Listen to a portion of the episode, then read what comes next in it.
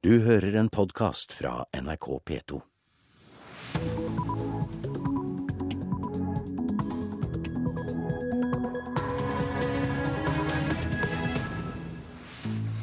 Onsdag 28. august klokka halv sju har vi disse overskriftene i Nyhetsmorgen. En koalisjon av stater ledet av USA planlegger et angrep mot Syria som kan komme før helgen, melder nyhetsbyrået AFP. Det er skammelig at barnefamilier får avslag på å flytte fra skadelige bomiljøer med rus og trusler. Det mener Barneombudet. Nord-Norge kan bli en oljeprovins tappet for naturressurser, uten å sitte igjen med noe selv, frykter forskere.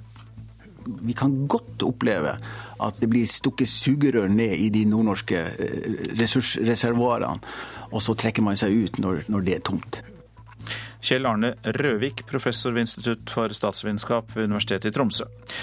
Og det er Senterpartiets leder Liv Signe Navarsete som spørres ut klokka ti over sju. Her i studio i dag, Øystein Heggen.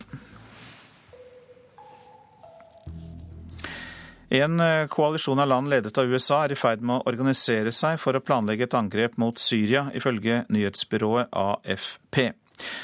Angrepet skal ikke ha til hensikt å styrte president Assad, men straffe landet som USA mener står bak gassangrep forrige uke. Angrepet kan komme allerede før helgen, skriver nyhetsbyrået AFP. Ifølge det amerikanske magasinet Foreign Policy har amerikansk etterretning snappet opp informasjon fra en samtale mellom en ansatt i det syriske forsvarsdepartementet og lederen for en militæravdeling med kjemiske våpen. Ifølge Foreign Policies etterretningskilder var samtalene preget av panikk, og folk var i opprør etter gassangrepet øst for Damaskus.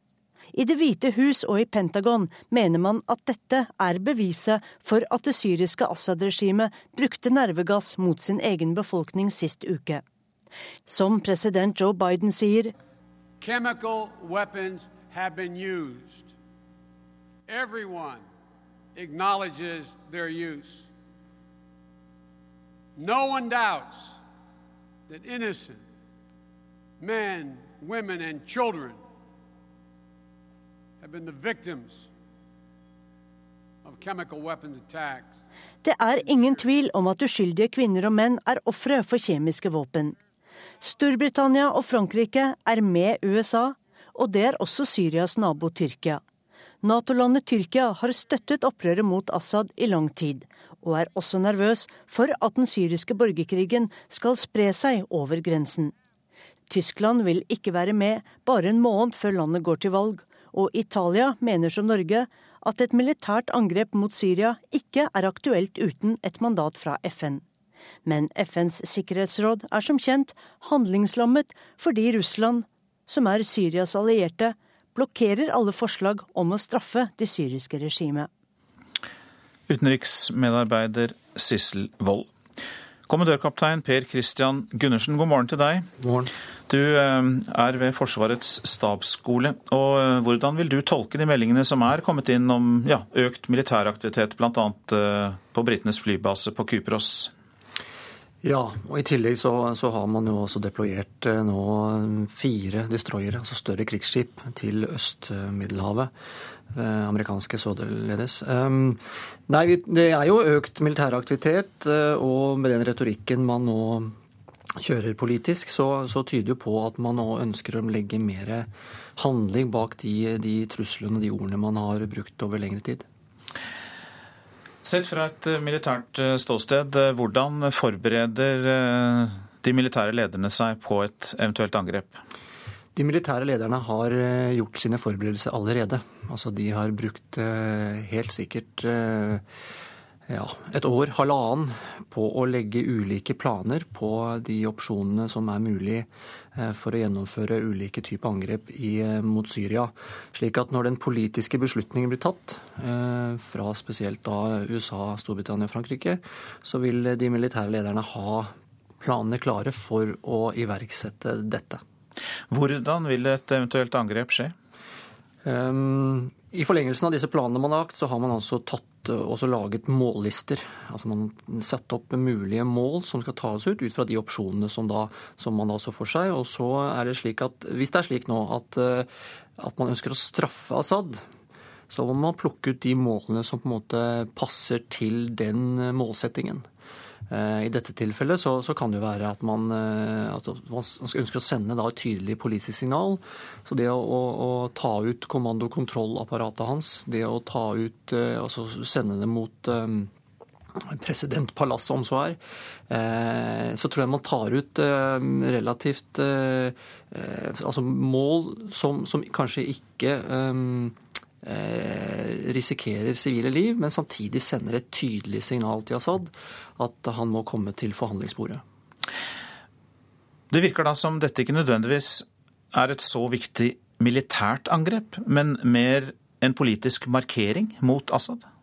Ja, i hvert fall ut fra den retorikken som blir sagt. Eh, eh, fordi hvis man ønsket da måte, å støtte opprørerne i større grad, så, så måtte man eh, ta f.eks. ut hans luftkapasiteter. Og det, det, kan jo selvfølgelig være at man ønsker å slå to fluer i et smekk her, men med det å liksom gå mot kommandokontroll, mot sensorparken, altså radarer, gå mot flyene hans, flybasene, all infrastruktur på, på, flysiden vil selvfølgelig gjøre det jevnere på bakken, men det vil jo ikke løse krigen allikevel. Når man først har trykket på avtrekkeren, så er det jo på mange måter ingen vei tilbake. I hvert fall så kan erfaringer fra tidligere mm, angrep, da Irak, Afghanistan, Libya, tyde på det. Hva skjer etterpå? Ja, Det er et godt spørsmål. Ehm, hva skjer etterpå? Det er gjerne sånn at eh, hvis man da blander seg direkte inn i en konflikt, så, så har man tendens, altså historisk sett, at man eier den. At man blir ansvarliggjort. Og, og, da er det lett at man blir da trukket dypere inn i konflikten, selvfølgelig. Eh, dette vet jo selvfølgelig amerikanerne, britene og franskmennene mye om. Fordi de har også stått lenge i, i Irak og Afghanistan. Eh, så, de er jo klar over den problematikken. Eh, men, men det, er, det, er, et veldig godt spørsmål. Og eh, det er jo såpass uoversiktlig i Syria at man heller ikke har noen garantier for at man treffer dem man vil treffe, og unngår sivile tap. Nei, det, det, er det aldri. Nå er det slik at disse kryssemissilene, Tomahawk-kryssemissiler er svært treffsikre. Det, det, det, er klart at det fins tilfeller hvor, hvor, man ikke har gjort det også. Men, men er, er, det, er, et veldig nøyaktig våpen. Uh, og jeg tror man er, kommer til å være veldig påpasselig med å må ikke bli kritisert i ettertid for å ha tatt livet av eh, sivile i, uh, i, denne, i, dette begrensede angrepet man ønsker å gjennomføre. Så, så jeg tror målene vil være vel uh, definert, og man vil passe på og, ta ut eh, de eh, målene som, som ligger eh, kanskje lengre vekk fra befolkningssentra osv. Takk skal du ha, kommandørkaptein Per Christian Gundersen ved Forsvarets stabsskole. Det er skammelig at barnefamilier får avslag på å flytte fra skadelige bomiljøer. Det mener Barneombudet. Flere enn 20 000 barn vokser opp i kommunale boliger her i landet. For mange av dem er det vanlig å møte narkomane og truende naboer i trappa. Det er bred enighet om at det ikke skal skje, men likevel så får barnefamilier avslag når de ber om å flytte. Og barneombud Anne Lindboe vil ha nye retningslinjer for kommunale boliger der barn skal bo. Det er jo skammelig at det er sånn som i dag, at enkelte steder i Norge så opplever eh, barn eh, å få avslag på å få flytte fra en helt klart et skadelig bomiljø fordi ventelistene er så lange. Vi ville jo aldri akseptert det når det gjelder f.eks. helse. Der har vi ventelistegarantier. Har du vondt i kneet, så har du krav på operasjon innen en viss tid. Og det å, gå, å være barn og bo i alvorlige eh, og skremmende og, og, og, og dårlige oppvekstvilkår er minst like alvorlig som det å ha vondt i kneet. Så her må det komme på plass eh, garantier og tidsfrister og ordentlige retningslinjer. Så noen ord om det avisene skriver. Aftenposten og Dagsavisen skriver at Norge advarer mot et militært angrep mot Syria, og at en aksjon må være forankret i FN og folkeretten. Raketter og bombefly skal straffe og skremme Assad, skriver Dagsavisen. Ekspertene tror på en kortvarig aksjon, skriver Aftenposten. PR-fyrstene får 5000 kroner i timen. Dagens Næringsliv skriver at de mest etterspurte kommunikasjonsbyråene nærmer seg timeprisen til de dyreste forretningsadvokatene. I tolv år ble Høyres André Oktay Dahl mobbet på skolen, forteller han til Vårt Land. Stortingsrepresentanten mener at rektorene svikter mobbeofrene, og at de ikke gjør noe for å avdekke og bekjempe mobbing. Privat opptur med rød-grønn regjering, ja det skriver Bergens Tidende. Private sykehus har økt omsetningen med opptil 50% siden de rød-grønne overtok makten. Mye skyldes vekst i antall private helseforsikringer, men staten har også selv kjøpt flere private helsetjenester. Et tilbakeskritt for global helse, skriver det internasjonale legetidsskriftet The Lancet om en valgseier til Høyre og Fremskrittspartiet. Tidsskriftet frykter kutt i det norske bistandsbudsjettet. Misvisende, svarer Frp og Høyre i Klassekampen i dag. Førstekonsulent Lone Hansen i Nav forteller til Dagbladet om brukere som stadig ringer fordi de ikke får nok hjelp. Trist at vi ikke gir brukerne den hjelpen de trenger, sier hun. Kun én av fire ansatte på sykehjemmene har høyskoleutdanning, skriver Adresseavisen. Det er en utstrakt bruk av ufaglærte og folk fra vikarbyråer til stadig mer kompliserte oppgaver. Høyre vil kutte i utviklingsmidlene til distriktene, skriver Nasjonen. Dramatisk, sier fylkesrådet i Troms Willy Ørnebakk fra Arbeiderpartiet, mens Michael Tetzschner sier Høyre har et annet syn på næringspolitikken og vil lette byrdene for næringsliv over hele landet vil forby salg av alkohol på glassflasker, skriver Fedrelandsvennen. Ingeniørvesenet i Søgne er lei av knuste flasker i fjæra.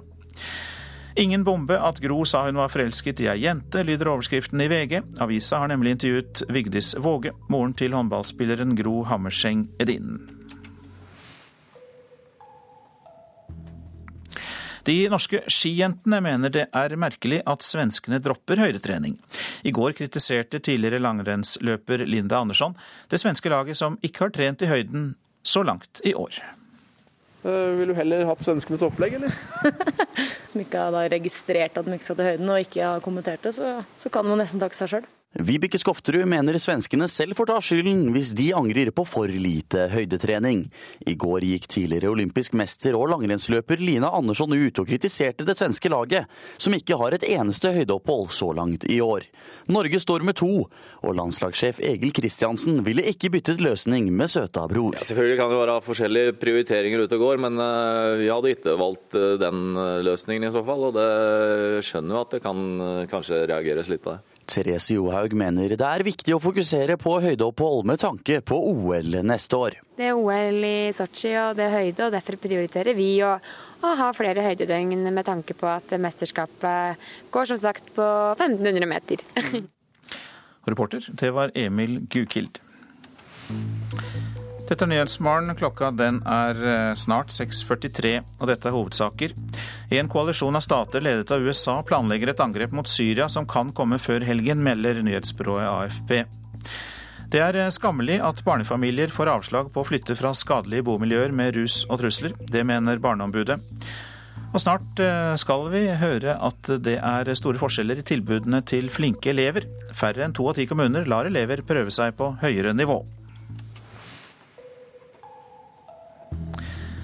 Men først om olje i nord. Nord-Norge står i fare for å bli en oljeprovins tappet for naturressurser uten å sitte igjen med noe selv.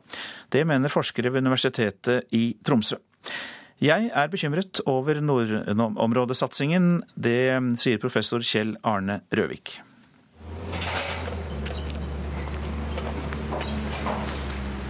Du kan eh, bokstavelig talt se og høre at Tromsø er en by i vekst. Og trua på ei storslagen framtid i Nord-Norge er stor i byen kjent som Nordens Paris.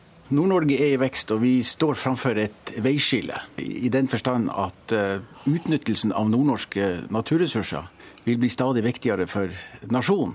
Professor Kjell Arne Røvik ved UiT, Norges arktiske universitet, er en av forfatterne bak boka 'Hvor går Nord-Norge? Politiske tidslinjer'.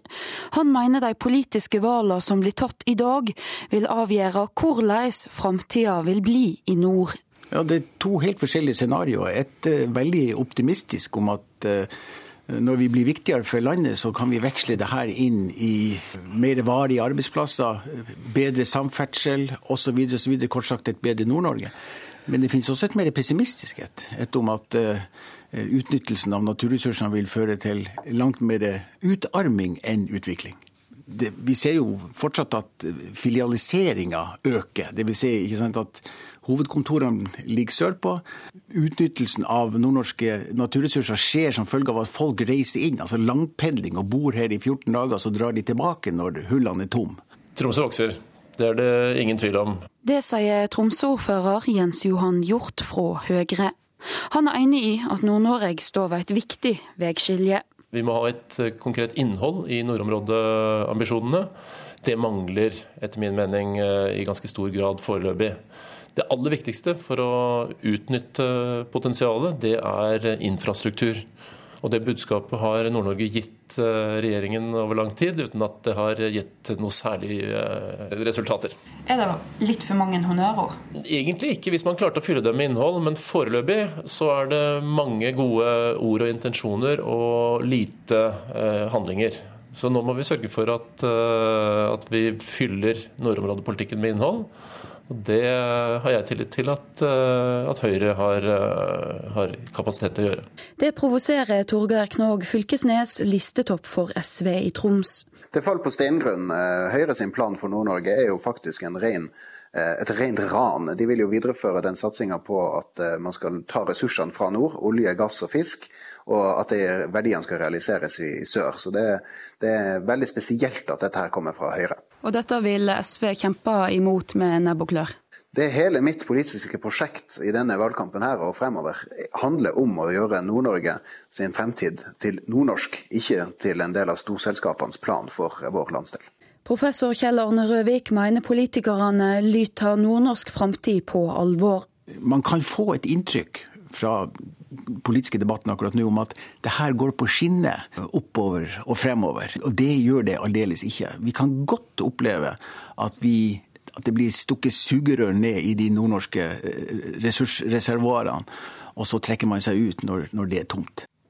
Og denne reportasjen var laget av Stine Hommedal. Med en eh, borgerlig regjering så frykter Nordland fylkesfiskarlag at Fiskeridepartementet kan komme til å forsvinne. Daglig leder Steinar Jonassen varsler kamp mot nedleggelse. Egentlig så er det utenkelig. Jeg ser ikke for meg at vi skal kunne ha en fiskerinæring eh, uten et eget eh, departement. Daglig leder i Nordland fylkes fiskarlag, Steinar Jonassen, varsler kamp dersom en ny borgerlig regjering vil legge ned Fiskeridepartementet. Jeg tror ikke når forslaget kommer opp at det er godt nok eh, gjennomtenkt. Hvis det nå blir en borgerlig regjering og denne saken kommer på banen, så skal i alle fall eh, vi innenfor fiskelagssystemet kjempe veldig hardt imot at, eh, at vi fatter beslutning om å legge ned Fiskeridepartementet. Ifølge fiskeripolitisk talsmann i Høyre, Frank Bakke-Jensen, er det politikerne som skal danne regjering etter høstens valg, som skal bestemme hvilken departementsstruktur Norge skal ha. Og dermed er det ikke gitt at Fiskeridepartementet kommer til å bestå som eget departement. Det er eh, med respekt å melde partilederne som skal representere de partiene som skal utarbeide regjeringserklæring, som også skal si hvilken eh, departementsstruktur man skal ha. Og Den respekten syns jeg man skal ha både for eh, demokratiet og for dem som skal danne regjeringsprosjektet etterpå. Fiskeripolitisk talsmann i Høyre Frank Bakke Jensen, reporter Bjørn Tore Pedersen. Bostedskommunen avgjør hvilke tilbud de mest motiverte ungdomsskoleelevene får. I fem år har de flinkeste elevene hatt mulighet til å ta fag på videregående, men bare 66 av landets kommuner tilbyr ordningen. Høyre krever nå at alle får tilbudet, men høyrestyrte Bergen er langt fra å være flinkeste gutt i klassen. Jeg synes det var kjempebra, for jeg følte at jeg kunne lære meg mye mer. Det var høyere nivå på læreren og elevene og ja, egentlig alt. I dag er Andreas Liland Henriksen opptatt med norskundervisning i klassen sin på Garnes ungdomsskole i Arna i Bergen. Men det siste året har Andreas fått en sjanse relativt få norske ungdomsskoleelever får. Ett år før han starter på videregående, har han allerede fått karakter i fag på nivået over. Det var helt tilfeldig, for mamma var på nett og så litt rundt. Og så plutselig så snublet hun over noe. Så da var det en sånn skjult ordning som nesten ingen visste om. I 2008 åpna regjeringa for at ungdomsskoleelever som er kvalifiserte for det, kan ta fag på videregående. Men fem år etter at ordninga ble innført, er det over 360 norske kommuner som ikke har tatt i bruk ordninga. Bustad kommunen avgjør hva tilbud de flinkeste elevene får. Dette er ikke tall som overrasker meg i det hele tatt. Vi har lenge hatt kontakt med elever som sier at norsk skole ikke gir dem nok utfordringer. Høyre- og stortingskandidat Peter Christian Frølich fra Bergen mener det ikke er godt nok at det store flertallet av norske kommuner ikke lar de flinkeste elevene ta et steg opp. Men vi ønsker å ta ett skritt lenger og rettighetsfeste dette, sånn at alle elever i Norge eh, kan få benytte seg av samme tilbud. Kunnskapsminister Kristin Halvorsen fra SV vedgår at det har vært utfordringer med å få ordningene ut i skolene. Selvfølgelig der hvor det er lang avstand mellom ungdomsskoler og videregående skoler. Derfor er det mye lettere å få det til i bykommunene enn det er i distriktskommunene. Men vi legger nå til rette for at man kan bruke nett. Vi prøver ut en egen matteskole på nett nettopp retta mot disse elevene. Og vi vet at ca. 17% av elevene på ungdomsskolen sier at de har for lite faglige utfordringer. Men Halvorsen nytter òg høvet til å sparke tilbake til høyrestyrte Bergen. Medan over 426 elever i Oslo og over 50 elever i Trondheim har fått prøve seg på videregående, har bare 15 ungdomsskoleelever i Bergen fått tilbudet. Ja, Det krever at kommunen er interessert i skole- og utdanningspolitikk og hjelper skolene med å legge til rette. Også for eh, Bergen Høyre ordne opp i sin egen og Erna Solbergs bakgård. Jeg tror vi har en eh, lang vei å gå, eh, så jeg syns de tallene er interessante. Frølik, som sitter i skolekomiteen for Høyre i Bergen, vedgår at det tar seg litt dårlig ut at partiet ikke har greid å nå sine egne mål. I Bergen er vi veldig opptatt av at det er rektorene som skal styre over hver eh, skole. Og Jeg registrerer at en del rektorer ikke har klart å gjennomføre dette opplegget. Eh, så det er vi nødt til å ta en titt på, om det er noe vi kan tilrettelegge bedre. Jeg ville ha sagt at jeg har blitt flinkere, jeg føler bedre med i timen og sånn.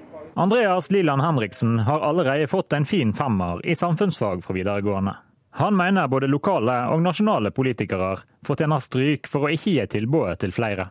Jeg syns det er veldig dårlig. Det er veldig bra å kunne ta et steg når du er klar for det.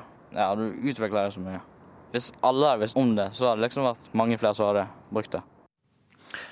Og det var Sølve Rydland som hadde levert denne reportasjen til oss. I dag er det 50 år siden denne talen. I have a dream. That my four little children will one day live in a nation where they will not be judged by the color of their skin, but by the content of their character. I have a dream today. Baptistprest, borgerrettsaktivist Martin Luther King. Hans berømte tale i USAs hovedstad Washington DC. Joar Ho Larsen, du er tidligere USA-korrespondent og hva er årsaken til at så mange av oss husker akkurat denne talen 50 år etter? Altså det første og enkle svaret vi hørte jo for så vidt også, det er at det, det, er en god tale. Holdt av en predikant og en politisk aktivist eh, med ordet i sin makt. I et land hvor man satte og fremdeles setter pris på at, at folk uttrykker seg med litt store ord ved store anledninger vi hørte det, det er innlevelse, er fremført med glød, det er entusiasme, det er en sak han tror på. Han bruker enkle ord. Så bruker han denne gjentagelsen, da, I have a dream, åtte ganger.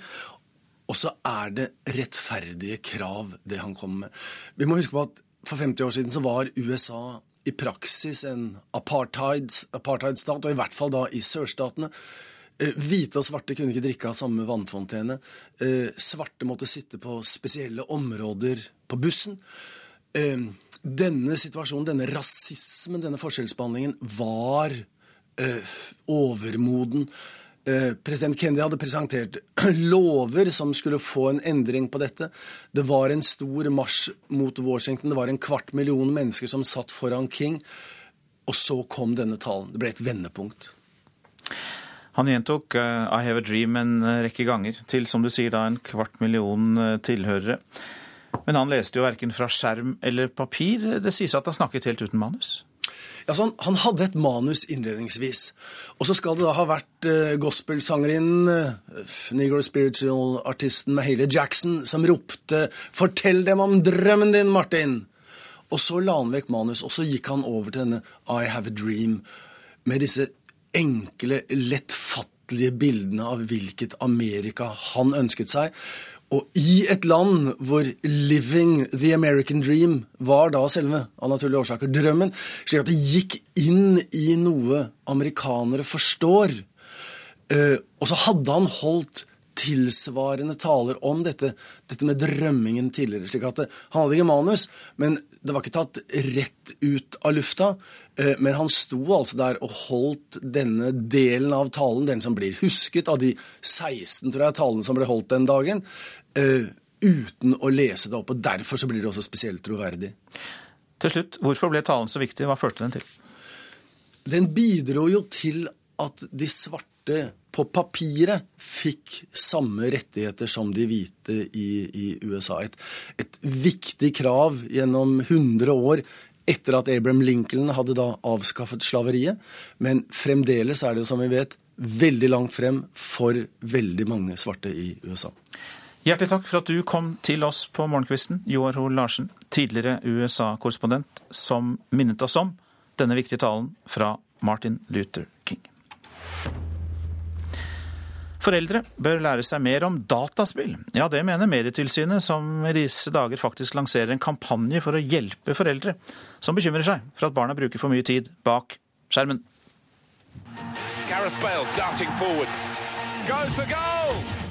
Hvor mye timer du bruker på dataspill på en dag? du? Nei, Det blir kanskje to til tre timer, ja. Tre-fire, ja. Sånn gjennomsnittlig så kan det hende jeg sitter en faktisk to til tre-fire timer om dagen. Even Bøyfot Andersen og Iver Vangen Dahl Eriksens dataforbruk er helt normalt for 15-årige gutter. Men Ørjan Holstad, som er sosiallærer på Sommerlyst ungdomsskole i Troms, har vært borti flere tilfeller hvor ungdom har spilt for mye dataspill, så de ikke kommer seg på skolen. Jeg tror det lureste som finnes, det er å sette seg ned og se på det sammen med elevene og kanskje utfordrer eleven eller ungdommen til å sjøl komme med noen forslag til begrensninger. Olseth sier at voksne som ikke kan nok om dataspill, ikke bør bruke det som en unnskyldning til å ikke spille med barna sine. Og Det betyr ikke at, at de er nødt til å være flinke å spille. Jeg er sjøl ikke noe flink å spille i det hele tatt, men jeg har sittet meg ned med ungene og, og sett på hva handler de her spillene om, hvorfor er de artige, hva de gjør, hva de finner ut av. Så for at vi, Hvis vi skal forvente at de kommer tilbake til oss, så må vi også besøke dem på, på deres arena. Det tror jeg er kjempeviktig. For de foreldrene som fortsatt kvier seg til å spille med barna sine, har også Medietilsynet hjelp å få. De deler i disse dager ut brosjyren 'Når barn og unges dataspill skaper bekymring', som er ment til å hjelpe foreldre og barnefaglig personell. Fokuserte veldig på å kunne gi foreldre, voksne, en enkel, grei innføring i dataspillverden. Sånn at de kan ha en samtale med barn, sånn at de forstår litt hva det går ut på.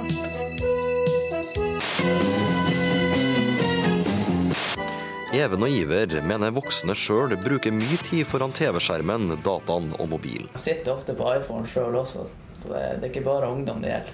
Det er, voksne også. Vi kan faktisk spille spill som er, man kan lære av også, som kan være faktisk ganske bra for oss. Fifa, da, som jeg spiller en del sjøl. Der er masse fotball. Che gol! Splendida rete!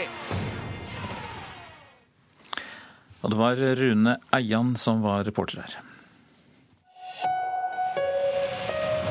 Liv Signe Navarsete vil ha mer grønt i det rød-grønne. Vi vil sette naturen i arbeid. Men først må en få velgerne med på laget. Jeg kan love et Senterparti som vil stå på for at de som produserer maten vår, skal ha inntekt og utvikling som andre grupper i samfunnet. Partilederutspørringen i dag klokka ti over sju på NRK P2, nrk.no og NRK1. Så et uh, værvarsel fram til midnatt. Fjell i Sør-Norge, Østlandet, Telemark og Agder. Hele dette området til dels pent vær. Vestlandet sør for Stad oppholdsvær. Møre og Romsdal og Trøndelag sørvest liten kuling på kysten, enkelte regnbyger. Seinere til dels pent vær sør for Trondheim. Nordland og Troms sørvest liten kuling, utsatte steder på eh, kysten periodevis stiv kuling, og det blir regnbyger i Nordland og Troms. Så var det Finnmark. Der blir det regnbyger. I ettermiddag vestlig stiv kuling utsatte steder. Nordensjøland på Spitsbergen perioder med regn. Så tar vi med oss temperaturene som ble målt klokka fem i natt. Svalbard lufthavn åtte, Kirkenes og Vardø begge elleve. Alta 14, Tromsø-Langnes 10. Bodø hadde 11 grader, og 11 grader var det også i Brønnøysund, på Trondheim-Værnes, Molde og Bergen-Flesland. Stavanger har vi ikke fått inn noen temperatur fra, men Kristiansand-Kjevik har vi. Der var det ni grader klokka fem. Gardermoen og Lillehammer hadde begge 11 grader, Røros 9 grader og Oslo-Blindern hadde 11 grader.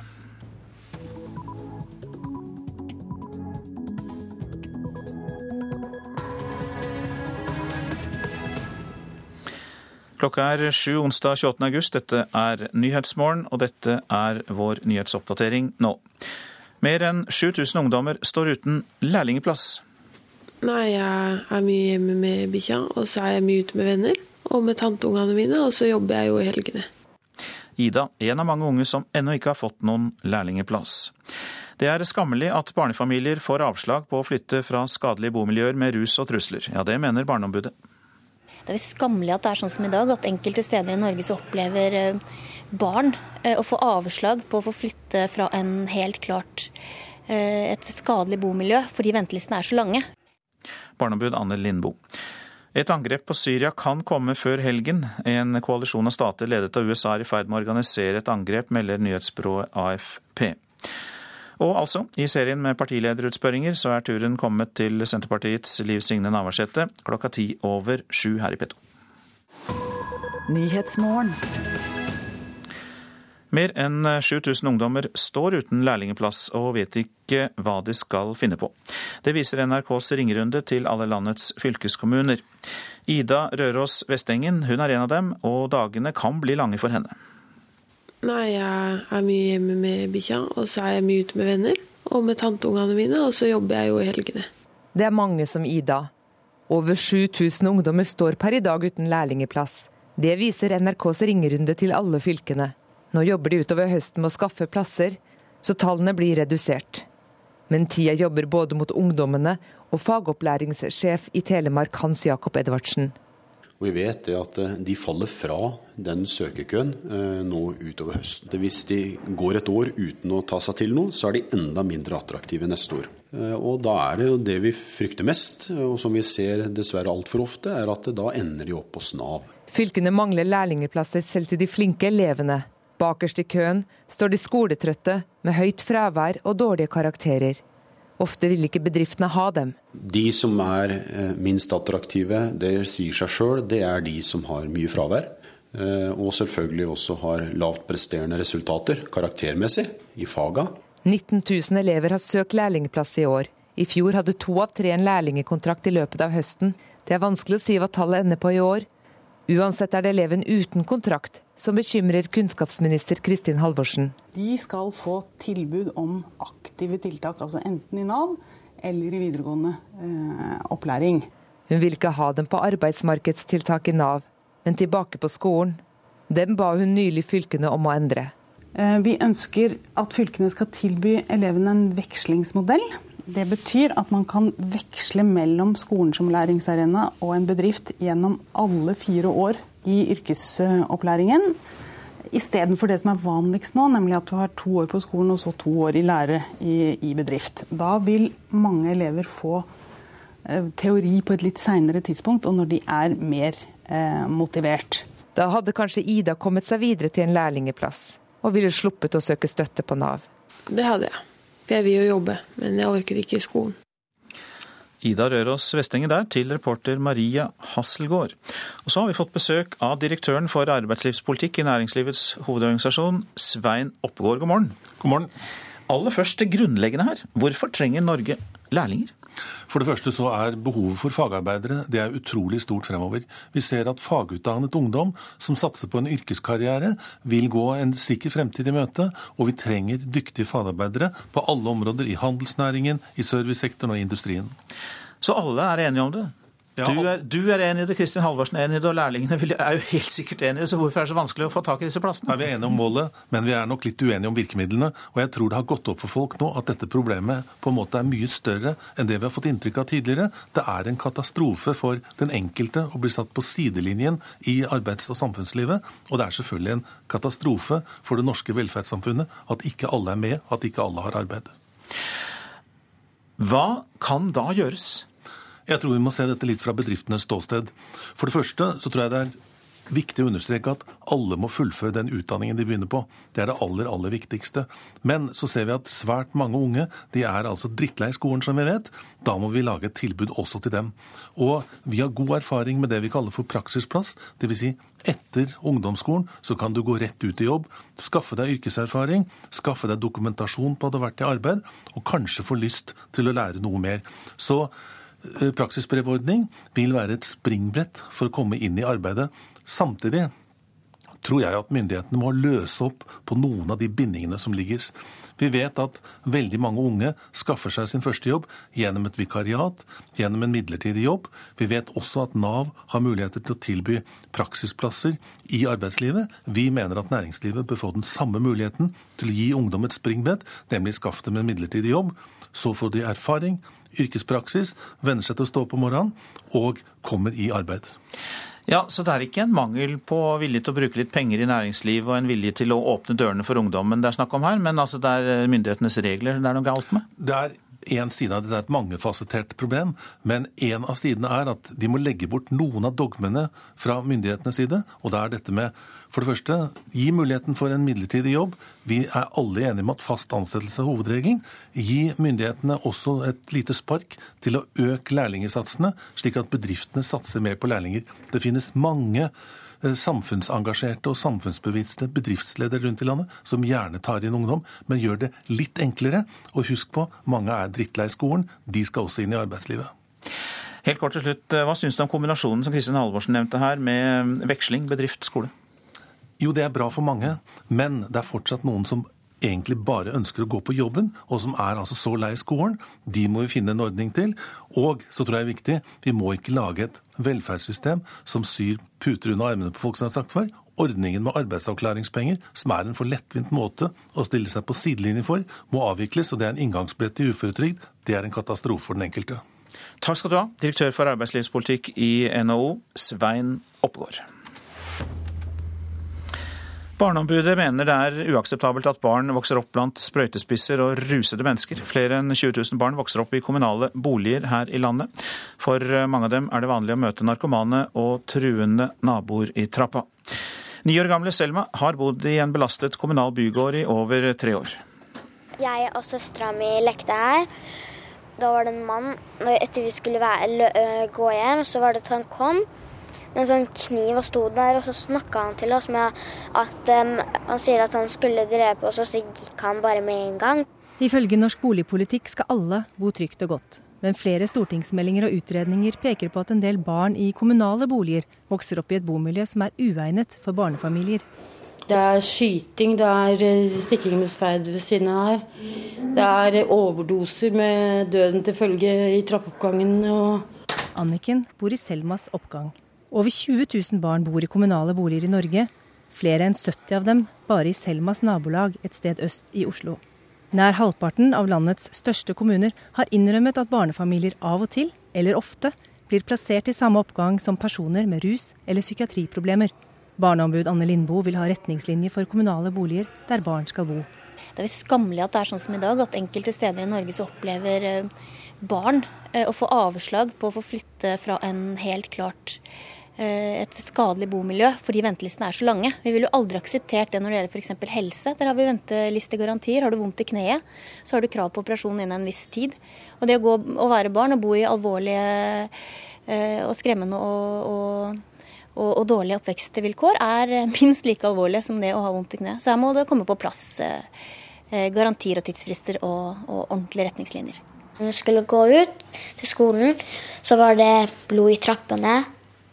Og da ble litt Eleven litt skremt, fordi han tror liksom at det er mye mer skumlere enn det er. Det sa ni år gamle Selma, som bor med familien altså i en kommunal bygård i Oslo øst. Reporter var Beate Riser og Anne Vinding, og radiodokumentaren Oppgang 13 den sendes lørdag i P2. De borgerlige partiene vil senke kravet om egenkapital for boliglån til 10 I dag må lånekundene ha 15% egenkapital for å få boliglån. Alle de fire borgerlige partiene er enige om å redusere kravet, skriver Aftenposten. I Japan er graden av alvorlighet på atomlekkasjen ved Fukushima-kraftverket økt til tredje nivå. Og dermed betegner det et alvorlig tilfelle av atomlekkasje. I forrige uke ble det kjent at 300 tonn høyradioaktivt vann hadde lekket ut fra oppbevaringstanker. I serien av partilederutspørringer er turen kommet til Liv Signe Navarsete. Og det er eh, Sigrid Sollund som er programleder.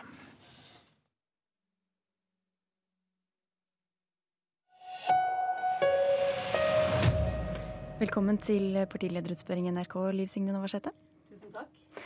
Hensynet til klima og miljø går som en rød tråd gjennom partiprogrammet deres.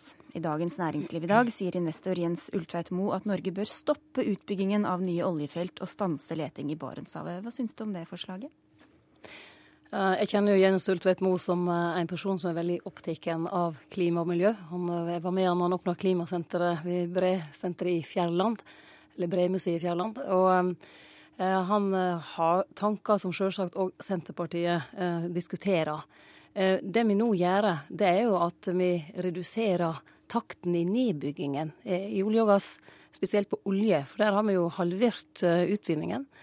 Og den flater ut gjennom at vi har nye leteareal. Men det er jo ikke slik at vi øker utvinning av olje i Norge i dag. Den er sterkt redusert. Og det vi gjør som sagt med dagens politikk, det er å Eh, og hindre at den nedgangen kommer for raskt. Så det vil jo få store eh, det vil få store implikasjoner på norsk eh, økonomi hvis vi får en for rask avslutning av det. Men Senterpartiet ønsker jo overgang fra det fossile til det fornybare samfunnet. og Derfor er vi så opptatt av å øke satsingen på fornybar energi.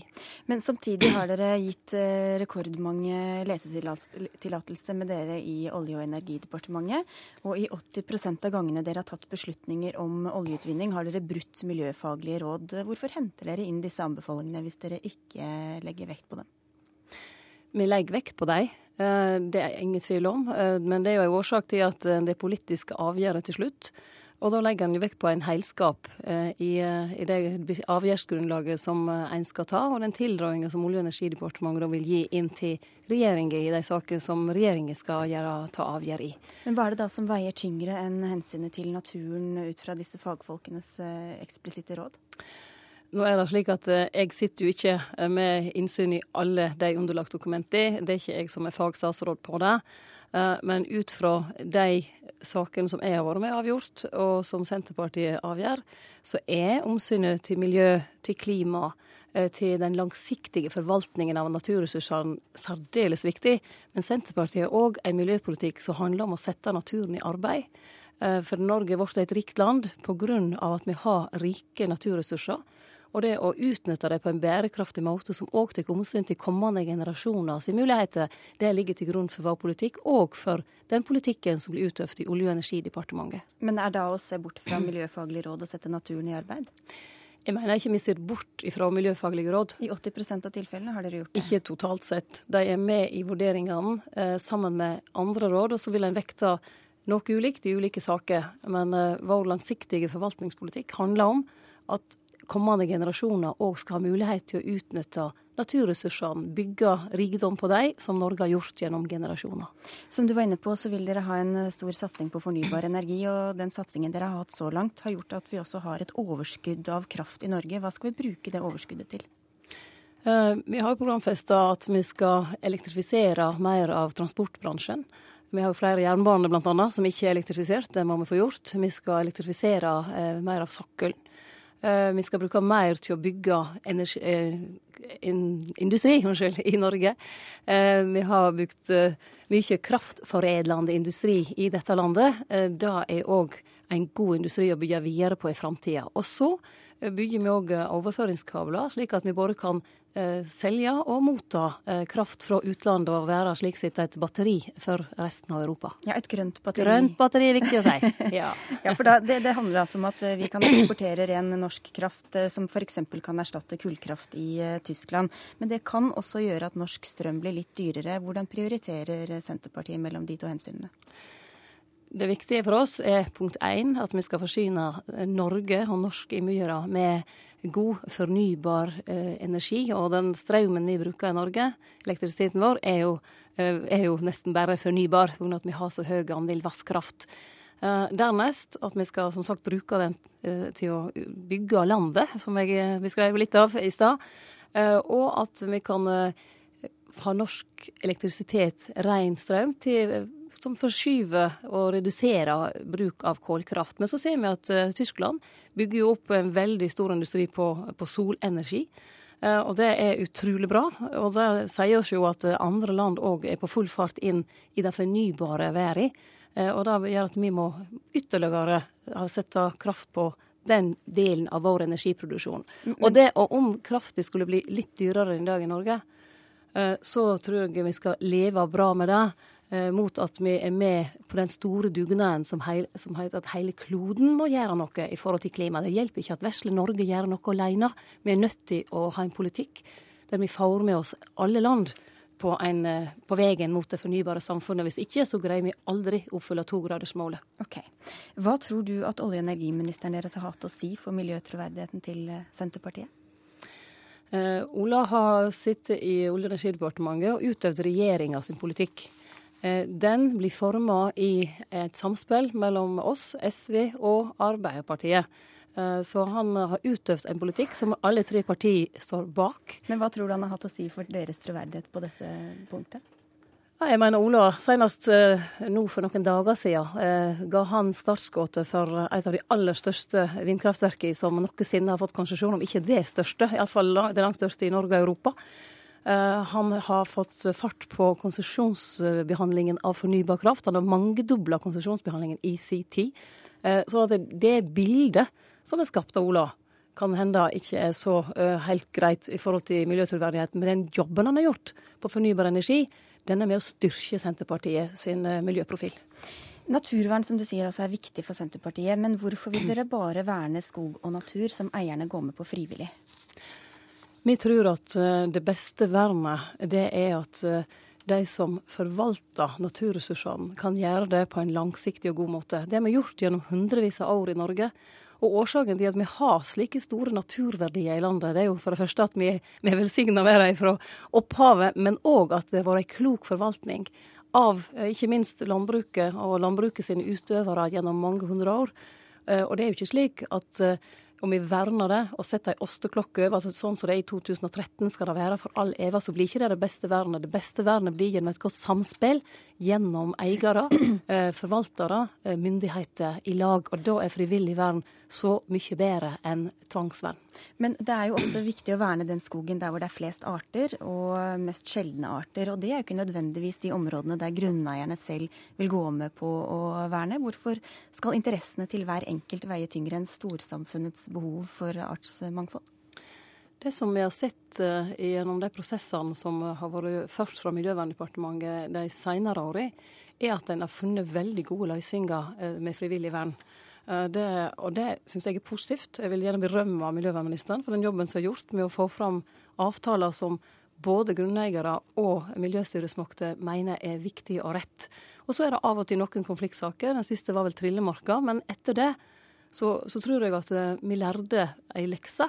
Eh, og vi har helt andre prosesser. Og så må vi kompensere for de ulemper som det vernet medfører for grunneier. For eiendomsretten står høyt i Norge, og står høyt i Senterpartiet. Og de som avgitt i storsamfunnet, de skal òg få kompensasjon for det. Dere åpner også for bygging av småkraftverk i vernede vassdrag. Hvorfor skal vi det når vi har sånn kraftoverskudd som vi var inne på i stad? Jeg tror at ei skånsom eh, utbygging som ikke kommer i strid med verneinteressen, er mulig å gjennomføre i noen vassdrag. Hvor, hvor vernet er de da, hvis man skal bygge dem? Det, det handler jo om ei skånsom utbygging som, som, det ikke eh, strir mot verneinteressene. Og det måten en bygger ut i dag, er jo helt noe annet enn det en gjorde på 70- og 80-tallet. I dag låner en vannet litt, eh, og det viser nesten ikke spor igjen i naturen etter, etter de utbyggingene. Og det syns jeg er flott. Teknologien utvikler seg òg på denne, denne sida her. Programmet deres er gjennomsyret av eh, troen på lokalt demokrati og selvstyre, men noen ganger kan jo det også kollidere med andre overgripende hensyn, som vi var inne på. Dere skriver i partiprogrammet at alle avgjørelser som krever politisk skjønn, skal avgjøres av folkevalgte. Hvordan definerer du hva slags saker som krever politisk skjønn? Det er saker der du ikke eh, kan eh, lese vedtak ut av et regelverk som, eh, som gir enkeltvedtak rett etter loven. Noen, noen lover som Stortinget vedtar er utforma sånn at det er ikke rom for skjønn. Der er det rett og slett bare å, å gjøre vedtak etter sånn som, som loven blir utforma. På andre og veldig mange områder så er det rom for skjønn. Og da mener vi at det skjønnet det skal ikke embetsmenn, enten det er hos fylkesmannen eller andre statlige instanser, ikke ha utøve overfor innbyggerne. Det skal, det skal folkevalgte gjøre, fordi at skjønn kan gå så mange veier. Det er prega av den enkelte sin ståsted og den enkelte sine verdier. Og folkevalgte de kan innbyggerne skifte ut hvis de er misnøyde med det skjønnet og de vedtakene. Det tar litt lang tid, det kan ta noen år å skifte dem ut. Ja, Det er hvert fjerde år, og det virker faktisk for oss politikere så det går veldig fort. Men hvorfor har, hvorfor har, dere så stor tro på at politikere har bedre skjønn enn det f.eks. fagfolk har eh, i f.eks. helsevesenet? Fordi at uh, politikere uh, må finne fram til de beste løsningene gjennom kompromiss. De kommer inn i politikken med ulikt syn ulik ståsted. De må jo forholde seg til lov og regelverk. Det er jo sånn at politikere kan liksom eh, bare gjøre vedtak ut av lufta.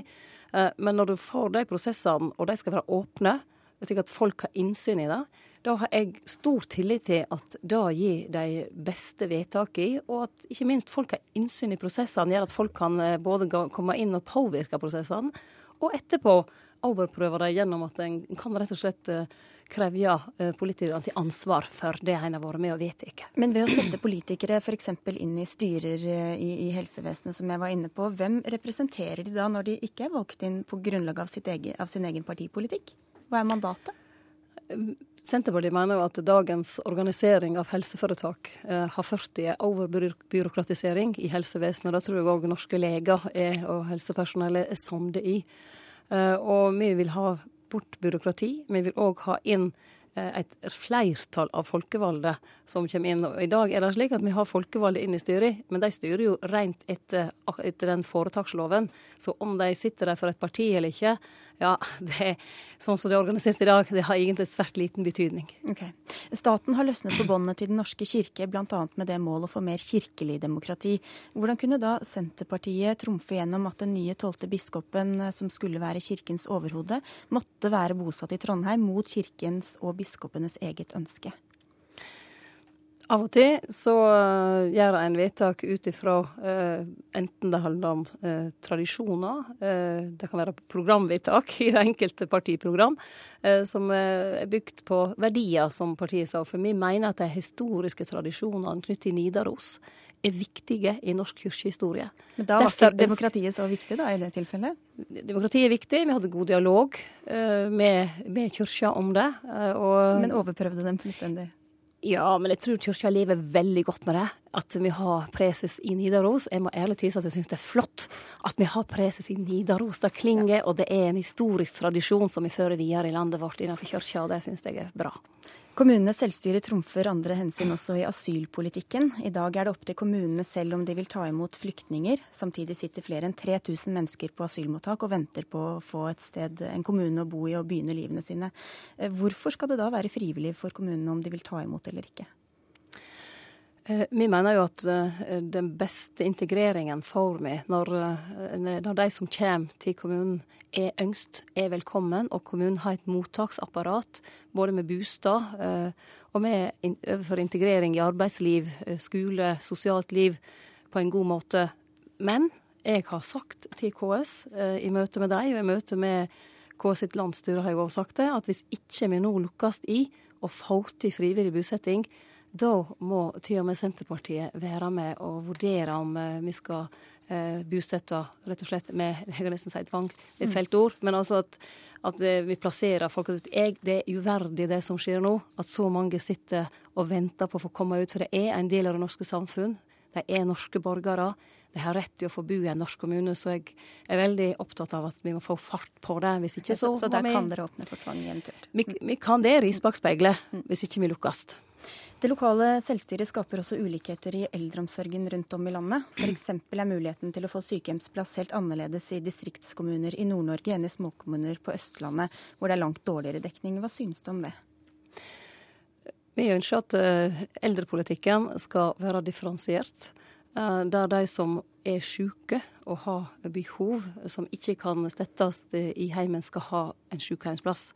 Og vi ønsker at det skal være mest mulig likeverdige tilbud innenfor alle tjenester som kommunen gir. Så er det vi tilstreber. Derfor har vi òg endra inntektssystemet, slik at eh, det skal være mest mulig likt og mest mulig likeverdig. Unnskyld, ikke likt, men likeverdig for muligheten til å gi tilbud. Men du vet, lokaldemokratiet eh, er jo slik at en prioriterer ulikt. Noen vil gjerne bruke mer penger på, på barnehage, skole, på ungdom, eh, og prioritere kanskje ned å bygge sykehjemmer. Andre vil prioritere opp er det verdt det da å ha den lokale selvstyret, selv om man ser at de eldre ikke får like god behandling i den ene kommunen som i den andre? Om to år er det lokalvalg. Da har innbyggerne alle muligheter til å stille politikerne til til rette for hva de har gjort i de siste fire årene. Så dette er ikke deres ansvar? Jo, det er vårt ansvar å stille nok penger til disposisjon midler, og at de er fordelt på en måte som gir likeverdige muligheter. Men ser du at den fordelingen også da kan gi utslag på hvor mye penger de har til å prioritere f.eks. eldreomsorg?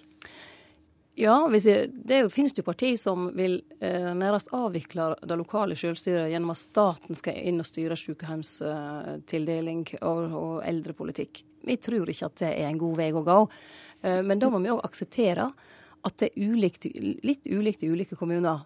Men det som står helt fast, det er at regjeringa har eh, auka løyvingene til kommunene i takt med endringer i folkesettene hvert eneste år, og gitt dem muligheten så men, men, hva tror du at de øremerker, eller ikke øremerker, for det er dere veldig imot, men de overføringene dere gir til noen kommuner eh, som er store et sted eh, og lave et annet sted, hva tror du det kan ha å si for den ulike sykehjemsdekningen f.eks.? Altså, de løyvingene som kommunene får, det får du etter hvor mange innbyggere de har, og hvordan alderssammensetningen er. Om det er mange unger og mange eldre, så får de mer midler enn om det er mange i, på din og min alder. For vi bruker mindre kommunale tjenester og bidrar mer inn med skatteinntekter. Uh, og det systemet er ganske finmaska. Men innenfor det så er det kommunen og kommunestyret som, som prioriterer, og vi får det beste tilbudet. For jeg er helt overtydd om at de som sitter i kommunestyret, ordfører og andre, de har ett mål for øynene, og det er å gi best mulig tjeneste til sine innbyggere. Enten de er eldre eller unge. Og så må vi ha den, den dialogen vi hele tiden har med KS, som er kommunenes organisasjon, for å sikre at de har de ressursene de trenger til å gjøre jobben. Vi skal se om du klarer å svare kort og konsist på et knippe spørsmål. Eh, er det viktigere å bygge en ferjefri E39 enn å sikre norske tunneler? Det er ikke enten-eller, det er både og. Bør staten bruke eiermakt til å sørge for at Statoil går ut av eh, oljesand i Canada? Jeg mener vi skal påvirke dem, men vi skal holde oss innenfor den eierskapspolitikken som eh, Stortinget har vedtatt. Bør alle lokalsykehus vi har i dag opprettholdes? Ja. Bør staten bidra til å opprettholde ulønnsomme arbeidsplasser i distriktene? Jeg er uenig i premissene. Det er ikke ulønnsomme arbeidsplasser i distriktene. De er med å skape et godt nasjonalprodukt. Okay. Eh, dere går altså til valg på fire nye rød-grønne år. Hva gjør Senterpartiet hvis dere taper flertallet etter valget? Kommer dere til å opptre da i samlet flokk med SV og Arbeiderpartiet? Jeg hører stadig flere har lyst til å spørre deg om det spørsmålet, men jeg er ikke i det moduset at jeg er innstilt på eh, nederlag i valget. Jeg er innstilt på å jobbe beinhardt de siste dagene nå fram til valget. Syne forskjellene. Hva, hva samfunn folk vil ha. Vil de ha fellesskap, vil de ha markedstenking? Eh, skal vi ha et samfunn der hele landet blir tatt i bruk, der vi faktisk sikrer bosetnad, en stor matproduksjon, arbeidsplasser, samferdsel eh, i hele landet, da får de velge denne regjeringen. Og hvis folket velger en annen regjering, og vi, da skal vi ta den diskusjonen og det spørsmålet du stiller, etter 9.9. Nå fikk du holde en så lang appell at jeg føler jeg må stille én gang til.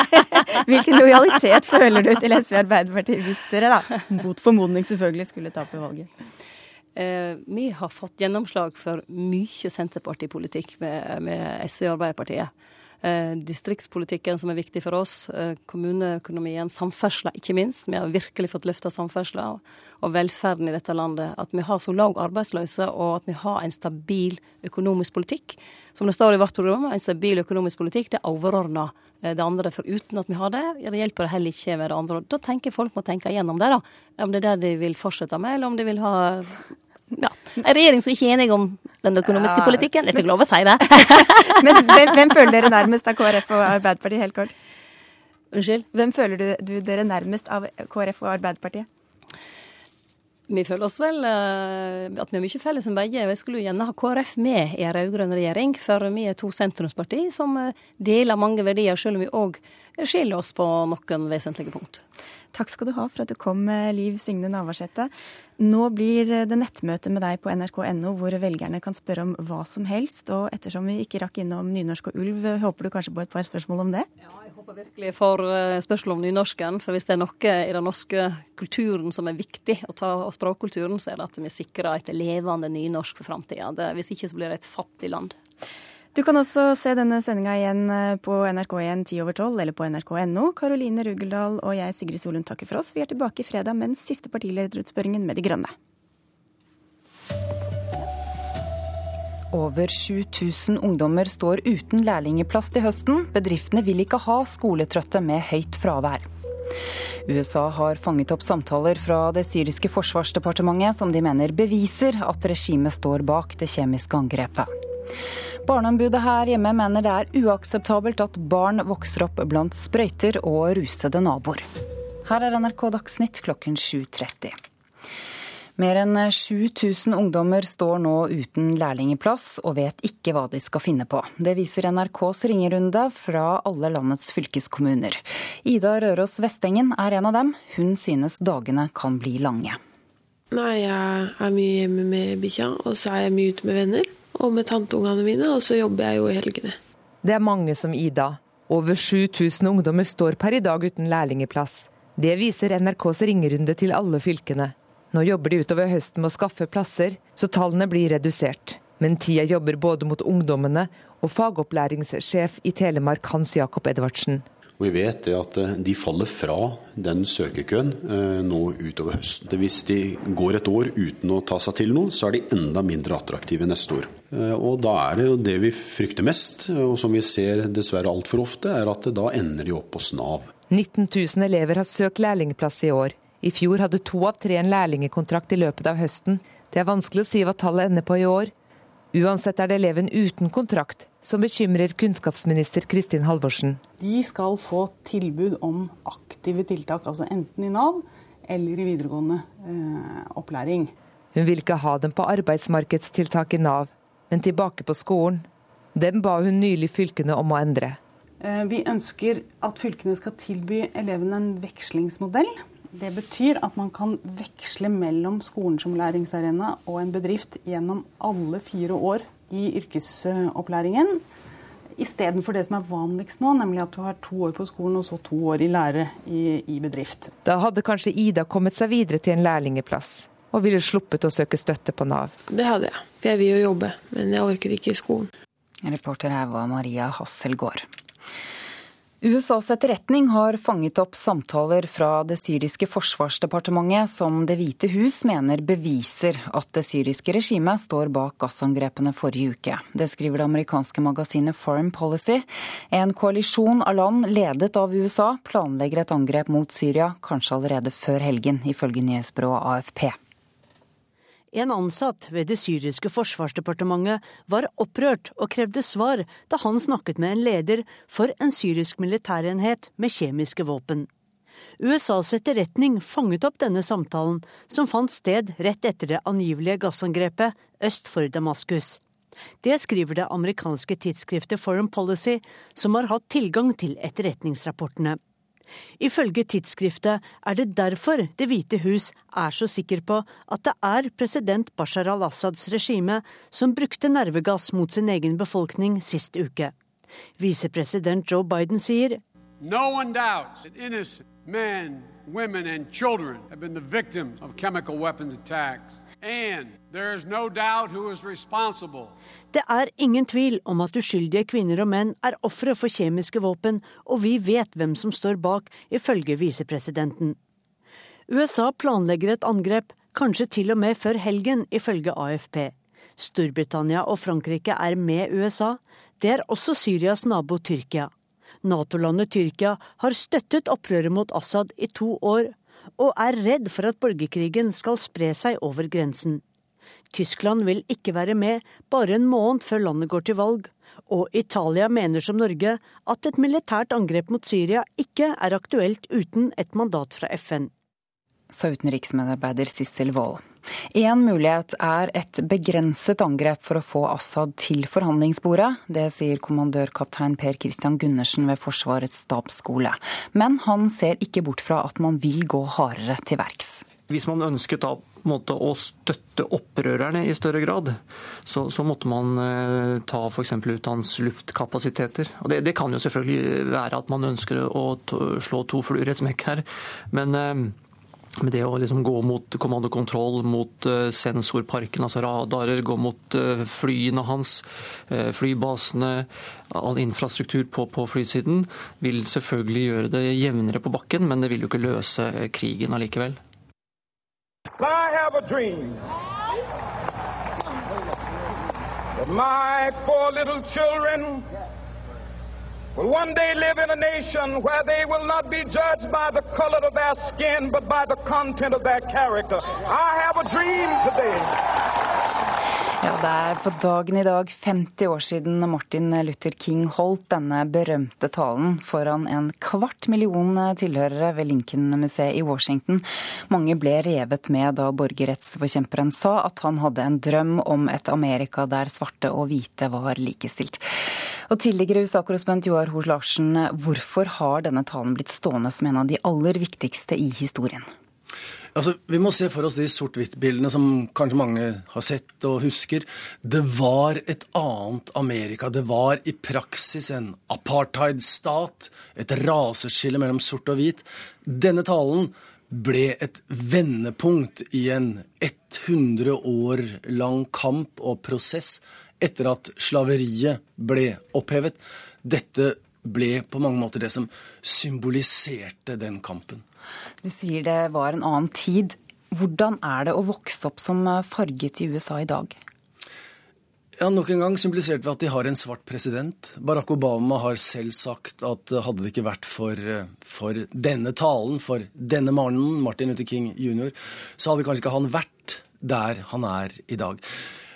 Amerikanske svarte ungdommer har fått fantastiske muligheter. Mange av dem gjør kjempesvære karrierer. Samtidig så er de overrepresentert i fengsler. De er overrepresentert på arbeidsledighetsstatistikken.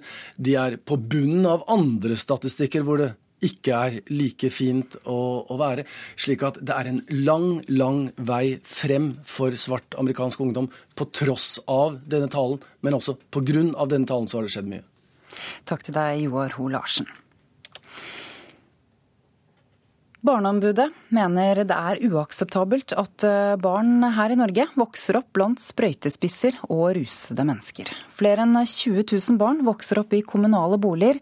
For mange av dem er det vanlig å møte narkomane og truende naboer i trappen. Ni år gamle Selma har bodd i en belastet kommunal bygård i over tre år. Jeg og søstera mi lekte her. Da var det en mann Etter vi skulle være, gå hjem, så var det at han kom en sånn kniv og sto der, og så snakka han til oss med at um, han sier at han skulle drepe oss, og så gikk han bare med en gang. Ifølge norsk boligpolitikk skal alle bo trygt og godt. Men flere stortingsmeldinger og utredninger peker på at en del barn i kommunale boliger vokser opp i et bomiljø som er uegnet for barnefamilier. Det er skyting, det er eh, stikking med sverd ved siden av her. Det er overdoser med døden til følge i trappeoppgangen. Og Anniken bor i Selmas oppgang. Over 20 000 barn bor i kommunale boliger i Norge. Flere enn 70 av dem bare i Selmas nabolag et sted øst i Oslo. Nær halvparten av landets største kommuner har innrømmet at barnefamilier av og til, eller ofte, blir plassert i samme oppgang som personer med rus- eller psykiatriproblemer. Barneombud Anne Lindboe vil ha retningslinjer for kommunale boliger der barn skal bo. Det er skammelig at det er sånn som i dag, at enkelte steder i Norge så opplever eh, barn eh, å få avslag på å få flytte fra et skadelig bomiljø fordi ventelistene er så lange. Vi ville jo aldri akseptert det når det gjelder f.eks. helse. Der har vi ventelistegarantier. Har du vondt i kneet, så har du krav på operasjon innen en viss tid. Så her må det komme på plass eh, garantier og tidsfrister og, og ordentlige retningslinjer. Når vi skulle ned til kjelleren, så var det sprøyter der, og personen som, som hadde gjort noe galt i akebrettene og sånn. Radiodokumentaren Oppgang 13 sendes på lørdag på NRK P2. Reporter var Beate Riser og Anne Vinding. Så sport. Kjetil Jansrud har kommet rekordraskt tilbake etter skaden han pådro seg i alpin-VM. Trener Håvard Kjørom mener dette skyldes at 27-åringen har blitt mer dreven. Han har blitt mer voksen, og han er òg blitt mer profesjonell i forhold til det å være en 24-timersutøver. Lagkamerat Aksel Lund Svindal merker også at Jansrud er blitt 100% profesjonell. Jeg har sett, la merke til at han har rett og slett nesten ikke tatt seg sommerfri. da. Han veit at han får bedre kvalitet her sammen med trenere da, enn det han gjør når han er ute og reiser. Og da, Det er viktig um, innrømmelse. Jansrud er snart klar for å gi alt i bakken, og 27-åringen håper å kunne ta på seg skiene under treningsopphold i Sør-Amerika. Det sa reporter Emil Gukild. Ansvarlig for Dagsnytt-sendingene denne morgenen er Sven Gullvåg. Teknisk ansvarlig er Beate Haugtrø. Jeg heter Ida Creed.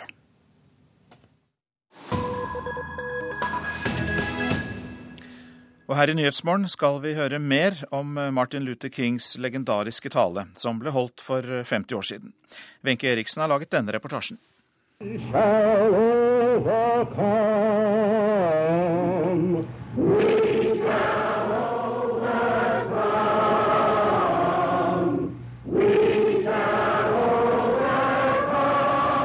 Sommeren 1963 var het på alle måter. Over hele USA marsjerte borgerrettighetsforkjempere med krav om at landets svarte borgere skulle ha de samme rettighetene som de hvite. 100 år etter at Abraham Lincoln frigjorde slavene, hadde de ikke det.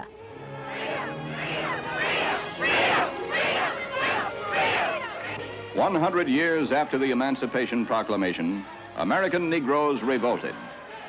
They marched, they demonstrated, they picketed in a drive for equality. TV-bilder av politihunder som gikk løs på fredelige demonstranter og barn som ble spyrt over ende med vannkanoner, sjokkerte og mobiliserte. Borgerrettighetsbevegelsen bestemte seg for å marsjere til Lincoln-monumentet i Washington med krav om rettigheter, jobber og frihet. Vi er ikke redde, sang de.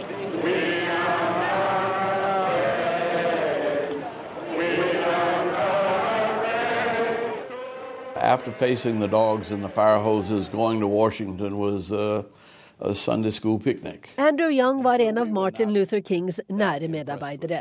Den dagen var det ingen av borgerrettighetslederne som ante hvilken merkedag det skulle bli. De var ikke engang sikre på at noen kom til å dukke opp. And then along about 9 o'clock or 10 o'clock, uh, some buses started rolling in from the south.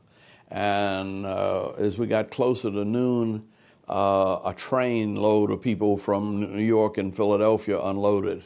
Folk kom. Med buss og med tog fra sørstatene, fra New York og Philadelphia og enda fjernere strøk. Da Martin Luther King jr. gikk på podiet på Lincoln-monumentets trapp og skuet nedover mot Washington-monumentet, sto en kvart million forventningsfulle mennesker klare for å høre hva borgerrettighetsbevegelsens ubestridte leder hadde å si. I have a dream that my four little children will one day live in a nation where they will not be judged by the color of their skin, but by the content of their character. I have a dream today. I have a dream that one day Han hadde en drøm om at USA en gang ville leve opp til løftet som sto i uavhengighetserklæringen om at alle hadde like rettigheter. Om at barna hans en gang ville bli vurdert etter hvem de var, ikke hvilken hudfarge de hadde. Om at alle landets innbyggere, svarte og hvite, en gang ville kunne samles om den gamle slavesangen om endelig å være fri.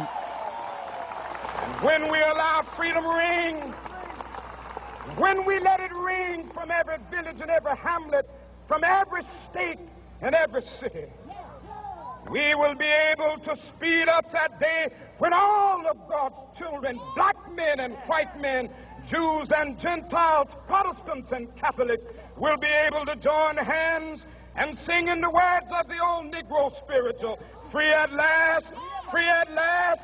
Thank God Almighty, we are free at last.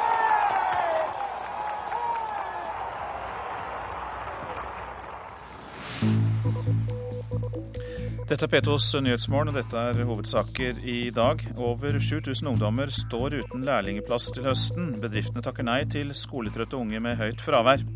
Barneombudet mener det er uakseptabelt at barn i Norge vokser opp i skadelige bomiljøer med rus og trusler, altså i kommunale boliger.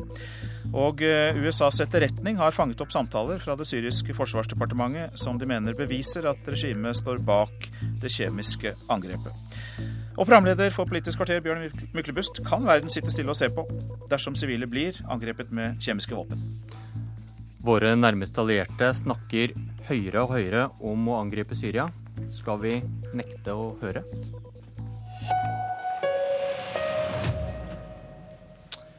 Leder av utenrikskomiteen på Stortinget, Ine Eriksen Søreide fra Høyre. Betyr det noe om hvordan barna i Syria blir drept? Ingen tvil om at brutaliteten i Syria har vært der hele veien, men at man nå går over en ny terskel i brutalitet. Bruk av kjemiske våpen er strengt forbudt etter krigens folkerett, og det har også vært en rød linje ikke bare for USA og Storbritannia og Frankrike, som nå er de som har eh, retorikken sterkest, men for hele det internasjonale samfunnet. Og det betyr jo eh, at det man nå ser konturene av, eh, kan være et begrensa angrep retta mot militære mål for å straffe Assad dersom man får klarlagt at det er regimet som står bak. Våpeninspektørene har jo fortsatt, eh, eller de har utsatt rapporten sin ca. ett døgn, så man vet ikke helt med sikkerhet ennå, selv om alle indisier peker i den retning. Men 100 000 er drept i Syria, og er det en pedagogisk utfordring å forklare et eventuelt angrep nå etter bruk av kjemiske våpen som påstås å ha drept noen hundre? Altså det er som jeg sa, en brutalitet som har vedvart i hele konfliktens eh, tidsperiode. Eh, og det er klart at Når man nå ser at det kan komme eh, et angrep, et begrensa angrep mot militære mål, f.eks. med krysseraketter, for å ta ut bestemte mål, så er jo det noe som primært gjøres for å vise og synliggjøre overfor regimet at de har kryssa den røde linja. Eh, Utfordringa for de landene som eh, eventuelt skal eh, gjennomføre dette angrepet, uten at man vet det helt sikkert enda at de gjør det, det er jo særlig at det kan komme til å forsterke en allerede brutal konfliktdynamikk. Og ikke minst så kan det skape noen forventninger på ulike sider om en ytterligere intervensjon. Og det som nå snakkes om, er altså ikke en fullskala intervensjon, men altså et begrensa militært angrep. Nestleder i Venstre, Ola Elvestuen. Det kan jo bli tolket som om verdenssamfunnet sitter og passer på at sivile blir drept på korrekt måte. Hvis det er kjemiske våpen som er eh, den røde linjen. Ja, Det er klart at krigen i Syria er, eh, er grusom. Er, og dette har jo vedvart nå over lengre tid. Men det er også sånn at nå å ta i bruk kjemiske våpen er en ytterligere opptrapping i konflikten. Og det er klart at For det internasjonale samfunn så er det etter min mening vil det være en umulig situasjon å sitte og se på det som er en gjentagende bruk av eh, kjemiske våpen.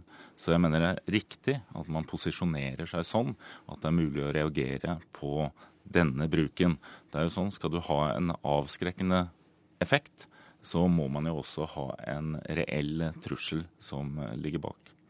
Snorre Valen, utenrikspolitisk talsmann i SV. Du sitter, er med oss fra Trondheim. Går, eh, går grensen for tolerert menneskelig lidelse også hos deg ved bruk av kjemiske våpen? Jeg tror grensa for de aller fleste av oss er passert for lenge siden. I Syria så blir barn torturert til døde, og vi har mer enn seks millioner flyktninger. Det er ingen tvil om at det kanskje er den verste humanitære krisa på mange tiår. Eh, men det er jo slett ikke sikkert at den krisa blir noe eh, bedre eller noe avbøte av å skulle bruke militær makt nå. Og Det advarer jo f.eks. Jan Egeland veldig tydelig mot. Han frykter at konsekvensene for de sivile som lider, blir enda verre om også Vesten går inn eh, i konflikten. Det er en kjempeskandale at ikke Sikkerhetsrådet har klart å bli enige om en fast linje fra verdenssamfunnet overfor eh, Syria. Men det må man fortsette å prøve. Og så mener jeg at spesielt Russland og Iran må utsettes for et sterkere press enn de har til nå. For de spiller en aktiv part i denne konflikten. I morgen samles parlamentet i London. Obama vurderer nå etter sigende flere ulike angrepsmuligheter. Danmark åpner for å gå utenom et FN-mandat. Tror dere på et angrep i løpet av få dager? Elvestuen? Det kan skje et angrep i løpet av få dager, men det er vanskelig å sitte her i, i Norge og vurdere om dette vil skje eller ikke.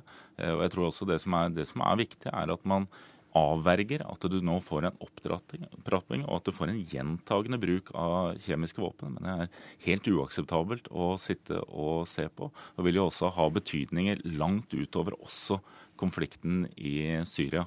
Og da blir jo dette også en posisjonering, der man jo må vise at en trussel om straffereaksjoner er reell, samtidig som det jo selvfølgelig er de som sitter mye nærmere konflikten og kan gjøre denne vurderingen, som må ta den endelige vurderingen om man skal gjøre det eller ikke. Det meldes i morgentimen om at USA skal ha fanget opp samtaler fra det syriske forsvarsdepartementet som beviser at de står bak det kjemiske angrepet. De har da hørt disse snakke med de som kanskje har skutt ut disse rakettene. Og Søreide, hva, hva tror du om mulighetene for et nærstående angrep?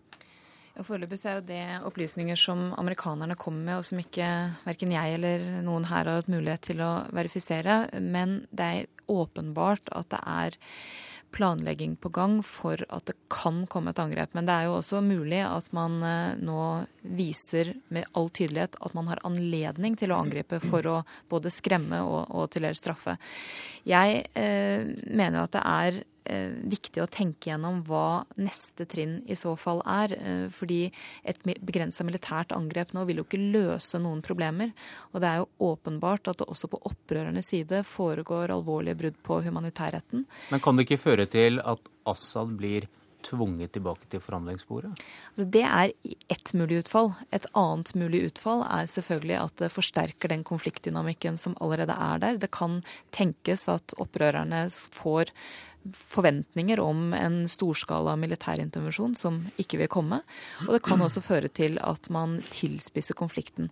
Men det er mange dilemmaer her. Eh, og det som det diskuteres om nå, er jo primært dette begrensa militære angrepet for å ta ut militære installasjoner, for å straffe for det som da ser ut til å være gassangrep som regimet står bak. At det har skjedd angrep, er det ingen tvil om, men det er jo fortsatt noe uklarhet om hvem som står bak, selv om alle indisier peker i en retning. Valen, du var opptatt av Russland, og de, de bruker sitt veto i Sikkerhetsrådet. De støtter Assad med våpen. Men hva slags signal sender man hvis man ikke angriper? Må først si at Nå har jo ikke Sikkerhetsrådet behandla eh, et spørsmål om å bruke militærmakt for å stoppe lidelsene i, i, Syria. Er du optimistisk? Nei, det er jeg ikke, men det er bare viktig å, å, påpeke det. Fordi det man fort kan gjøre ved å bruke militær makt nå overfor Syria uten å ha tillatelse i FN, det er å legitimere nettopp den forferdelige støtta som land som Russland og Iran gir til regimet i Iran. Da kan de si at jo, men det er jo ingen som bryr seg om FN, og da trenger heller ikke vi gjøre det. Og Derfor syns jeg Venstres linje her er litt oppsiktsvekkende. For jeg syns Venstre og Frp er de partiene som går lengst i å, i å åpne for maktbruk utenfor FN. Og jeg er veldig glad for at utenriksminister Espen Barth Eide har vært så tydelig på at for Norge er det uaktuelt å, å bidra i noen som helst militæroperasjon som ikke har FN-mandat. Det er jo fordi vi er helt avhengig av noen spilleregler i verden for at slike konflikter som denne skal kunne ta slutt.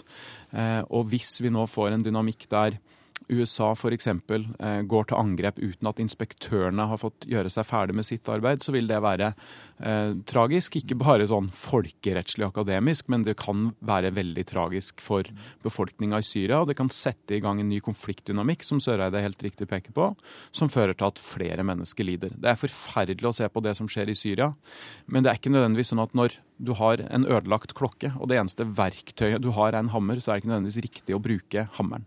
Mm. Elvestuen, var du som fikk et lite stikk her. Ja, I denne konflikten så er det jo ingen løsninger. Og det er heller ikke noe riktig valg som man kan gjøre. Og det er helt Selvfølgelig skal man bruke FN for alt det man kan. Og selvfølgelig skal man bruke også de mulighetene som finnes i Sikkerhetsrådet. Men, men, å, gjøre, men å gjøre eventuelle reaksjoner helt avhengig av Sikkerhetsrådet kan også være et tydelig signal om at her gjør man ingenting fordi situasjonen er så fastlåst som man er. Og ved en gjentagende bruk av kjemiske våpen så, må det også være, så er det riktig å se på om det er om man skal reagere også uten et FN-mandat. Du har også et ansvar innenfor FN-pakten om at man skal eh, beskytte eh, at dette med 'responsibility to protect', at du har et ansvar også for å beskytte sivilbefolkningen. Det var det som skjedde i Kosovo i 99? Eh, ja. Og her også er det jo en situasjon her, sånn er det. Må, det å reagere er full av risiko. Du vet ikke hva du setter i gang. Men samtidig så er det også det å ikke reagere er også full av risiko, for du vet ikke heller hva som da vil hende, og hvordan eskaleringen vil være uten en reaksjon. Så åpningen og muligheten bør være der, og den også med at du har, viser med tydelighet, som man nå gjør, at man kan. Men det er en riktig beslutning i seg selv. Hva mener du, Søreide? Er du enig med Valen eller med Elvestuen i den vurderinga i forhold til FN-mandat eller muligheten til å gå utenom? Altså Historien har jo vist at det finnes muligheter til å gå utenom, og det er jo Kosovo i 99 det aller eh, ferskeste eksempelet. Det var jo også ment å være en veldig kortvarig aksjon. Eh, jeg mener at det ville være svært lite ønskelig om man kom i en situasjon der man ikke hadde et FN-mandat. Jeg mener også at det er Men hva, hva skal til for at du mener at man må se bort fra dette FN-mandatet hvis Kina og Russland legger ned veto? Hvor, hvor ille må situasjonen i Syria være for at du går med på det?